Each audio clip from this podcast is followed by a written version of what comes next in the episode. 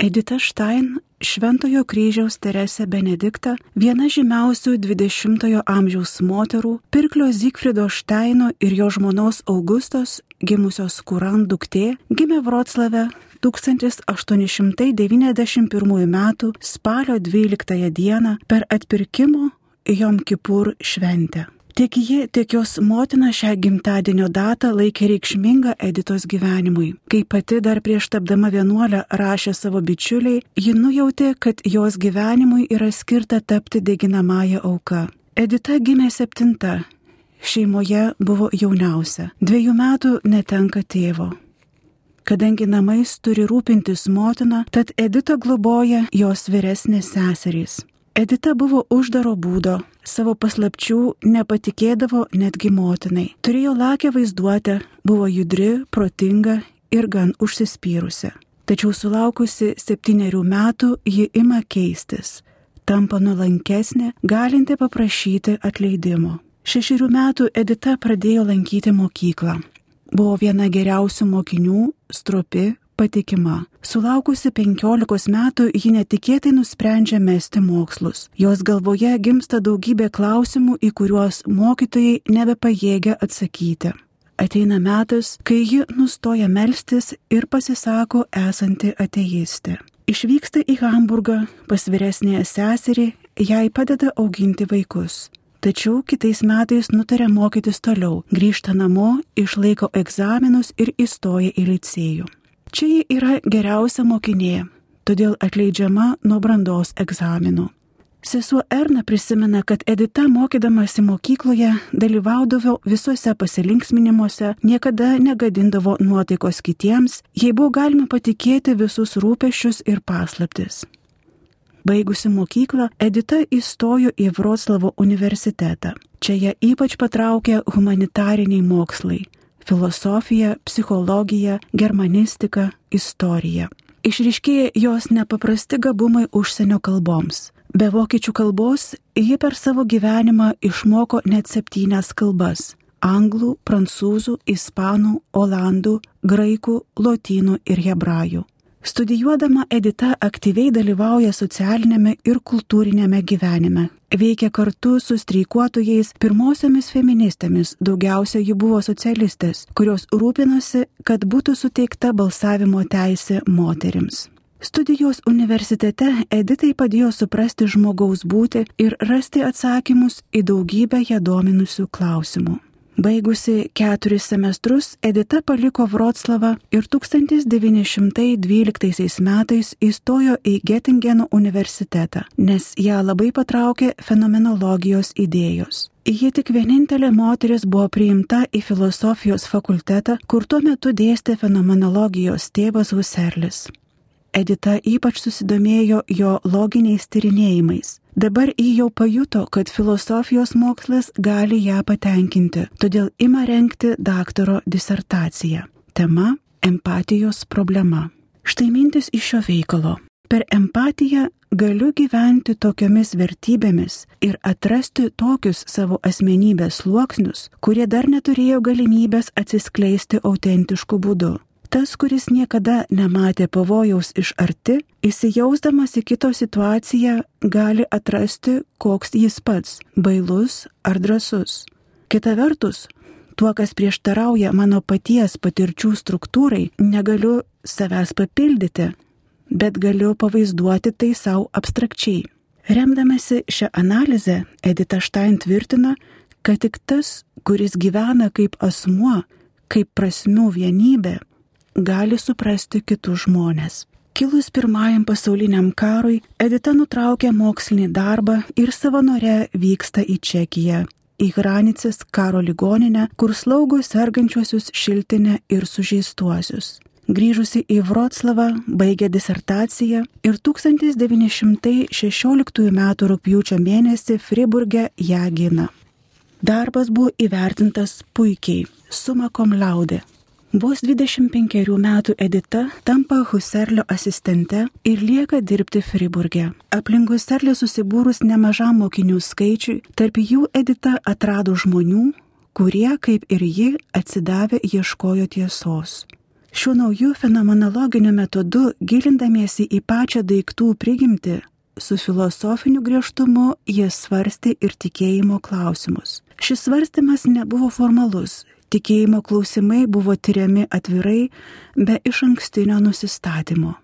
Vienas šios grupės žmonių, prisidėjęs prie Editos atsivertimo į krikščionybę, buvo Adolfas Reinachas, kuris žuvo kovodamas pirmajame pasaulinėme kare. Po karo lankydama Reinacho našlę, jos giliame gedulė Edita taip pat pamatė iš krikščioniškos vilties kylanti džiaugsmą.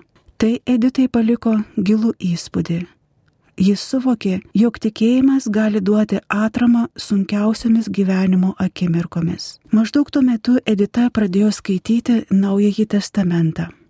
Ten ji pažino Kristaus asmenį, nors dar ne kaip viešpati ir gelbėtoje, bet vis dėlto kaip išskirtinį žmogų.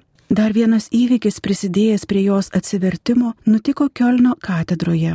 Ji pamatė pavargusią moterį su nešuliais, kuri įėjusi į katedrą ir suklupusi prieš švenčiausiai sakramentą, pasinėrė į tylę maldą.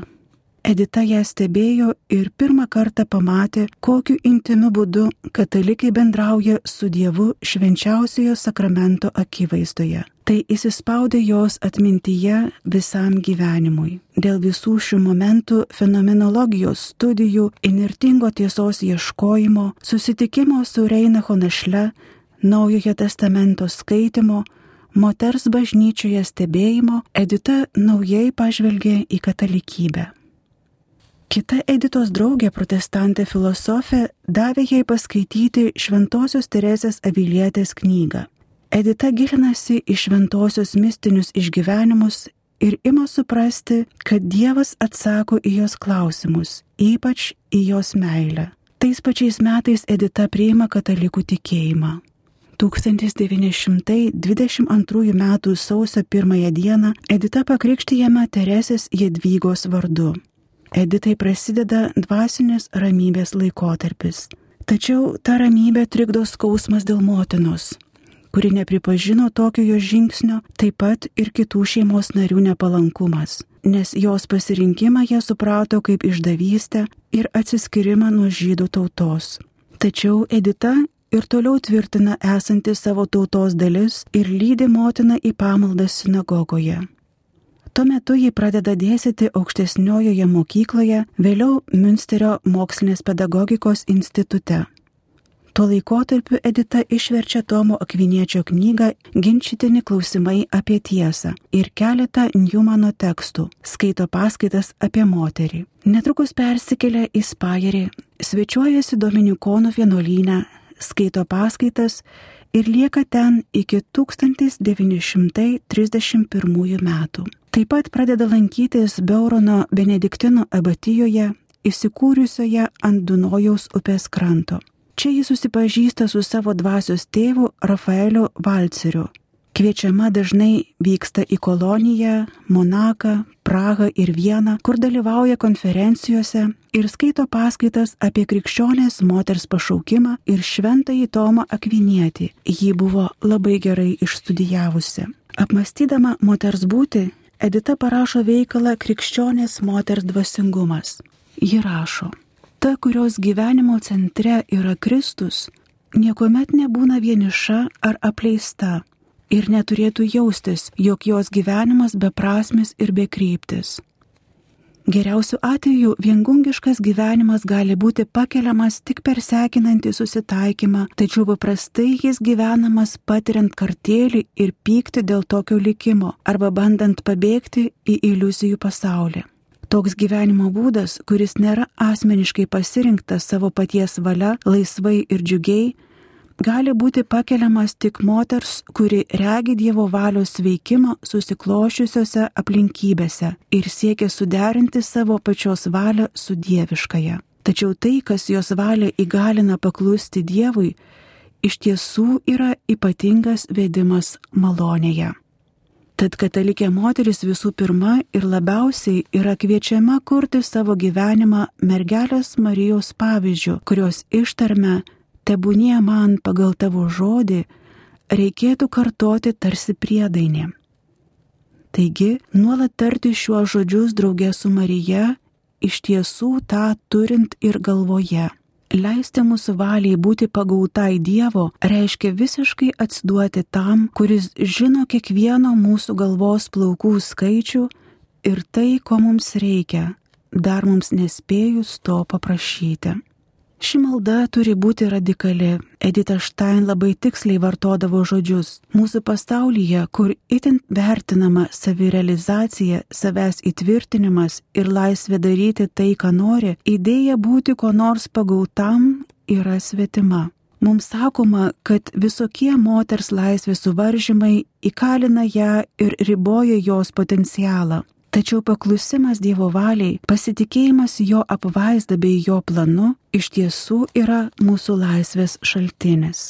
Viengungiškas gyvenimas tai ne tik vienintelis laikas moteriai suprasti, ką reiškia susitaikyti su aplinkybėmis, kurias šiaip norėtume pakeisti.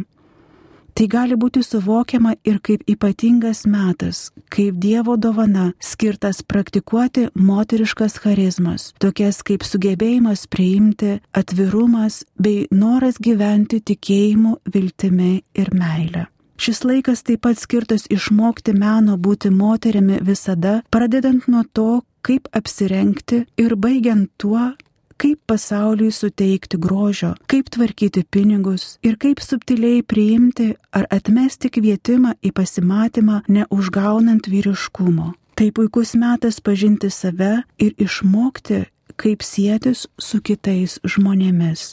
Ypač svarbu, kad Euharistija taptų pagrindiniu mūsų gyvenimo tašku, kad Eucharistinis išganytojas taptų būties centru, kad kiekviena diena būtų priimama iš jo rankų ir vėl sugrįžtų į jas, kad tai, kas vyksta kasdien, būtų apmastoma drauge su juo. Taip Dievas suteikia mums puikiausią galimybę jį išgirsti savo širdyje ir sieloje, bei įgyti išvalgą ir pastabumą tam, kas ant gamtiška, rašė Edita Štain. Savo skaitytojams ji pateikė tokį moters sielos portretą. Tai siela, kuri turi būti nuolat puoselėjama ir maitinama, nepaisant to, ar moteris vieniša ar ištekėjusi, tikinti ar ne. Tai siela, kurią gali formuoti tik ji pati ir Dievas, niekas kitas. Moters siela turi būti plati ir atvira visoms žmogiškoms būtybėms. Ji turi būti tokia rami, kad nemenkiausios jos liepsnelės neužgesintų audringi vėjai, tokia šilta, kad apsaugotų trapų pumpurą, tokia tyra, kad joks kenkėjas negalėtų apsigyventi tamsiuose kampuose ir plyšiuose, tokia tvirta, kad joks įsibrovelis nesutrikdytų jos vidinio gyvenimo, tokia tuščia nuo savęs, kad kitiems joje atsirastų vietos. Ir galiausiai savo pačios šeimininkė, taip, kad visas asmuo taptų pasirengęs būti bet kada pašauktas. Pati Edita šiuo laikotarpiu gyvena kaip vienuolė. Keliasi penktą valandą ryto, išklauso pirmasis mišes, skaito brevijorių, o laisvalaikį praleidžia prieš tabernakulį. Tais metais ji ima jausti, kad Vokietija ištiks kažkas baisaus. Toliau dėsto Spiroje, paskui Münsteryje, kur gauna pasiūlymą dirbti universiteto katedroje. 1932 metais po savo žmonos mirties pas Editą atvyksta jos buvęs draugas Hansas su keletu vaikų ir prašo ją tekėti už jo. Tačiau Edita atsisako, nes galutinai nusprendė atiduoti savo gyvenimą Dievui. 1933 metais dėl rasinių įstatymų įsigaliojimo Edita priversta atsisakyti darbo universitete. Nors jai buvo pasiūlyta dirbti Lotynų Amerikos universiteto katedroje, tačiau Edita pasirinko Karmelio vienuolyną įsitikinusi, kad išganimas ateis neužsieimant aktyvę veiklą, bet nešant kryžių kartu su Kristumi. Pripratusi prie vienuolyno tvarkos, Edita praneša šeimai savo apsisprendimą, tačiau ir dabar niekas nepritarė jos pasirinkimui, išskyrus seserį Rozą. Ši savo širdyje taip pat buvo nusprendusi priimti krikščionių tikėjimą. Edita grįžta namo spalio 12 dieną, savo gimimo ir žydų šventės dieną. 1934 m. spalio 14 d. Šventos Teresės dieną Edita įžengė į kolonijos Karmelio vienuolyną ir tampa klauzūros seserimi, vardu kryžiaus Teresė Benedikta. Edita vėliau rašė, kad pravėrė vienuolyno duris su didelė vidinė ramybė ir nuo to momento kas savaitę rašydavo laiškus savo motinai, tačiau iš jos negaudavo jokio atsakymo. Nors gyvenimas vienuolynė buvo be galo sunkus ir Edita dažnai jausdavo nepajėgianti atlikti sunkių rankų darbų, negalinti nei rašyti, nei mokytis, tačiau jausdavosi laiminga. 1935 metais Edita duoda laikinuosius įžadus ir pagaliau gauna du motinos raštelius viename voke, atsiustame per seserį Rozą. Tuo metu Edita gauna leidimą toliau tęsti savo studijas. Parašo knygą Užbaigta būtis ir amžina būtis, taip pat kūrinį opus sukurtą 1935-36 metais, kuris prilyginamas geriausiems tuo metu vokiečių ir prancūzų kūriniams. 1938 metais Edita duoda amžinuosius įžadus. Netrukus ji atsiduria SS dėmesio centre, nes gestapas nustato jos žydišką kilmę, sužino jos nuomonę apie Hitlerį ir apsisprendimą nebalsuoti plebiscito referendume, kuris surengė Trečiasis Reichas, skelbė šūkį sakyti taip Hitleriui. 1938 metais lapkričio 9 dieną apšaudama kolonijos sinagogą. Karmelis nusprendžia Editą išsiųsti į Echto vienuolyną Olandijoje. Echte Edita išgyvena baisėje krištolinę naktį kai Vokietijos nacijai planingai puolė žydus ir naikino bei grobė jų turtą. Ironiškas pavadinimas prigijo dėl rytą po pogromo gatvėse likusių sudaužytų žydų krautuvių vitrinų stiklo šūkių. Ir 1939 metais kančios sekmadienį savo laiške prioriai prašo leidimo paukoti savo gyvybę dėl pasaulio taikos. Edita pradeda rašyti paskutinę savo knygą apie šventąjį kryžiaus Joną, pavadintą Kryžiaus mokslas. Ši knyga yra Editos dvasinis testamentas, kurio ji neužbaigė. Kryžiaus mokslas rašytas 1942 metais vienuolyno vyresniosios nurodymų Švento kryžiaus Jono gimimo 400-ųjų metinių proga išlikęs kaip apmatai, konspektas yra simboliškai nebaigtas. Baigiamosios dalies tema turėjusi būti prisikelimas ir tamsiosios nakties pabaiga. Keletas minčių iš šio veikalo. Jei mes kalbame apie kryžiaus mokslą, nereikia suprasti mokslo paprastą prasme. Tai nėra tik tai teorija. Tai yra gyva, tikra ir veikli tiesa. Liksė jos grūdas jį krinta į sielą, ten įsišaknyja ir auga, suteikdama sielai tam tikrą anspaudą ir nulėmė jos polgius, kad juos toliau skleistų ir padarytų regimus. Taip nusakomas šventųjų mokslas, o čia mes kalbame apie kryžiaus mokslą. Apvalanti tamsios nakties sausra pirmiausia pasireiškia būtent potraukio praradimu. Visos pamaldžios pratybos jums dabar pasirodo bevertės, kokčios sielos netraukia kūriniai, pojūčiai stikdami potraukio tampa apatiški ir bejėgiai. Tada dvasinis gopšumas gydomas iš esmės, neberandant jokių pratybų potraukio, tampama visiška vidutinybė. Su jumis Dievas elgsis kaip su mažais vaikais elgesi švelni mama, nešiojanti jūs ant rankų ir maitinanti saldžių pienų. Visose dvasinėse pratybose, maldoje, meditacijoje ir apsimarinime jūs patirsite daug džiaugsmo ir paguodos. Būtent šis religinis jutimiškumas visų religinių potraukių pagrindas ir išdžiovinamas gyvenimo kelionėje galiausiai pasiekiamas vienatvės ir ramybės troškimas, kai jau nieko konkretaus nebenorima ir apie nieką nebegalvojama. Kad jūs savo sielą išlaikytumėte laisvą ir nepažįstą bet kokio pažinimo ir visokių minčių, ramybėje, nesirūpindami, ką reikia galvoti ar stebėti, jums reikia ištverti ramiai ir budriai mylimam Dievo ir atmesti visus rūpešius, veiklumą ir nereikalingą troškimą suvokti Dievą, ar jį patirti. Edita Štain aptardama paradoksus ir tokius kiek skausmingai prieštaringus, tiek įdomuosius virsmus aprašo patį gyvenimą, o ne savo išminties ir ypatingas patirtis.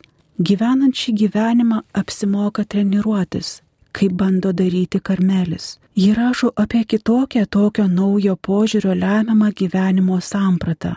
normali gyvenimo forma kabutėse, prie kurios mes esame pripratę, apibūdinama taip. Mes įsitvirtiname, kurdami savo gyvenimą. Tačiau tikrojo kūrimo vieta yra išlikti mažam, nesusikoncentruojant į save. Turima omeny laikysena, kai viskas atiduodama, nereikalaujant nieko, jokio atpildo. Gautas atpildas priimamas ne kaip savaime suprantamas dalykas, o su didžiausiu džiaugsmu. Tai yra laisvė. Įsidėmėtina, kad sielai vis labiau artėjant prie vidinių dalykų, vis mažiau lieka vietos saviveiklai, rašo Edita. Pasiekus tai, visa ko imasi Dievas, jei nieko nebereikia daryti, vien tik vis dar imti. Ir būtent šitas ėmimas yra dalyvavimas jos laisvėje. Dievas tik todėl čia visą atlieka, kad siela jam visiškai atsiduoda. Ir šis atsidavimas yra jos laisvės veikla. Ši laikysena yra kūrybiška. Čia atrandamas turtas neturte, tylėjimas žodyje, maldos išsipildymas, neturto gale patiriamas maldos metu, o ne po jos, ramybė dirbant, o ne po darbo, ir paguoda verkiant, o ne išsiverkus šiam kūrybiniam atsivertimui atsiduodama leidžiant savo veikti viską, kas norima, patiriant ramybę kiekviename aktyvume.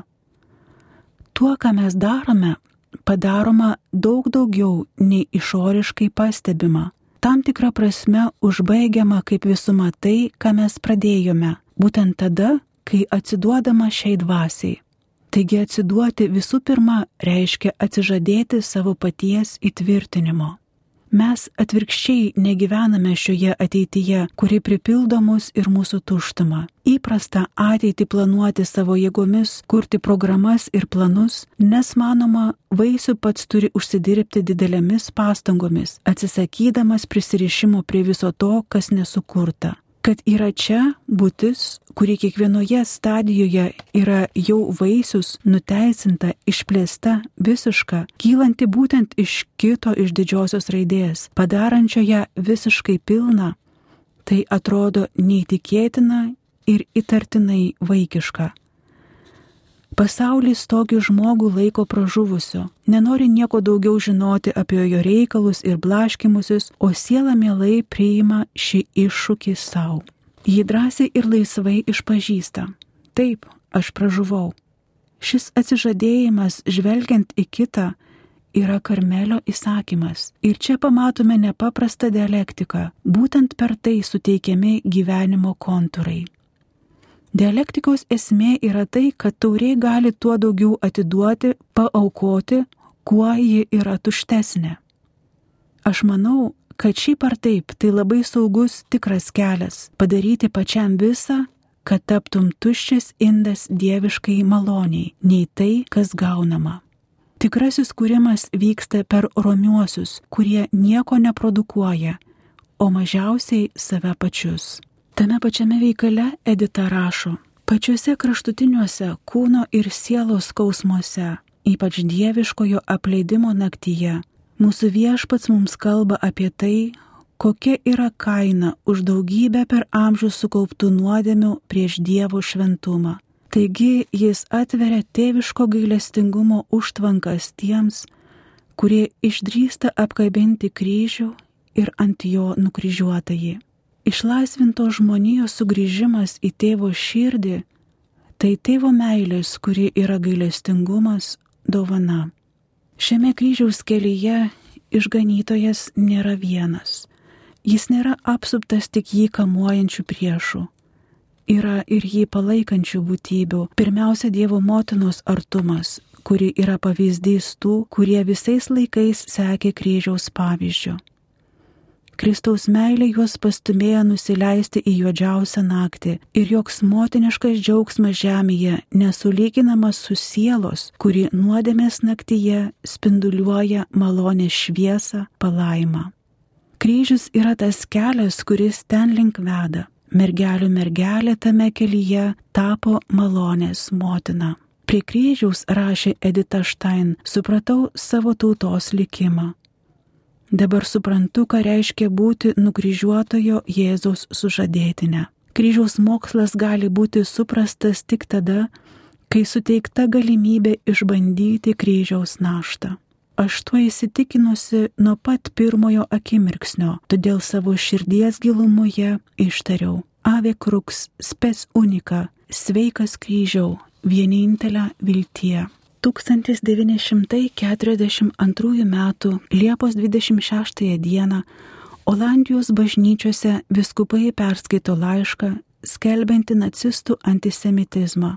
Šio drastiško veiksmo padarinys - įsakymas suimti ir deportuoti visus žydus katalikus. Vienuoliai norėjo išsiųsti Editą ir jos seserį Rozą į Šveicariją, Pakirio karmelį, tačiau tik Edita gavo vizą išvykti, bet ji nenorėjo palikti savo sesers. Rūpiučio antrąją dieną atvyksta gestapas, suima abi moteris ir išveža į Maastrichtą, o iš ten į Amersfortą. Nuo tada žinių apie tolesnį jų likimą yra nedaug. Du jaunuoliai prisimena, kad nežmoniškai buvo elgiamasi su dviem žydėmis katalikėmis, kaip jos laikėsi ramiai ir oriai, kaip ilgoje kelionėje į Aušvicą dainomis ir žaidimais guodė vaikus atskirtus nuo tėvų. Šios momentus primena atvirukas ir pora žinučių, kurias Editai pavyko nusiųsti Ekto vienuolino viršininkiai. Ji prašė atsiųsti kai kuriuos jos daiktus, reikalingus jai ir jos seseriai. Čia dar kartą išriškėja Editos dvasios stiprybė, Ir kaip prašo pati Edita vienuolino viršininkiai, jos gebėjimas melsti stebuklingai net nežmoniškomis kalėjimo sąlygomis. Žurnalistas Pietro Van Kempenas teigia susidūręs su dvasiškai didžia ir stipria moterimi, kuri visuomet nešiojo karmelitės abitą. Jautėsi be galo laiminga, galinti padėti deportuotiesiems kaip ji ir laukiantiems pagalbos. Buvo atgabentos į Westerborką, iš čia į Aušvicą. 1942 m. rūpiučio 2 d. Edita Stein numeris 44074 ir jos sesuo Roza paskiriamos į pirmąją grupę. Ši grupė turi būti sunaikinta. Jų kūnai buvo sudeginti krematoriume. Išsigelbėjusiai žydė Raja Kagan pasakojo, kad moteris ką tik atvykusios įstoti būdavo atrenkamos šalia geležinkelio ir joms telikdavo gyventi vos keletas valandų. Taip neliko jų mirties liudininkų, o jų vardai net nebuvo vokiečių užregistruoti. Ilgą laiką buvo visiškai nežinoma apie Edito Štain mirtį. Tik 1947 metais galutinai nustatyta jos mirtis. Oficialus Olandų laikraštis 1950 metais paskelbė Edito Štain mirties faktą, įvykusi 1942 m. rūpjūčio 9 d. Popiežius Jonas Paulius II 1987 m. gegužės 1 d. paskelbė Edita Štain palaimintąją, kanonizuota 1998 metais, o 99 kartu su šventaja Kotrina Sienietė ir Brigita Švedė paskelbta Europos globėja. Tekstas skaitė sesuo Agne Steponėnaitė.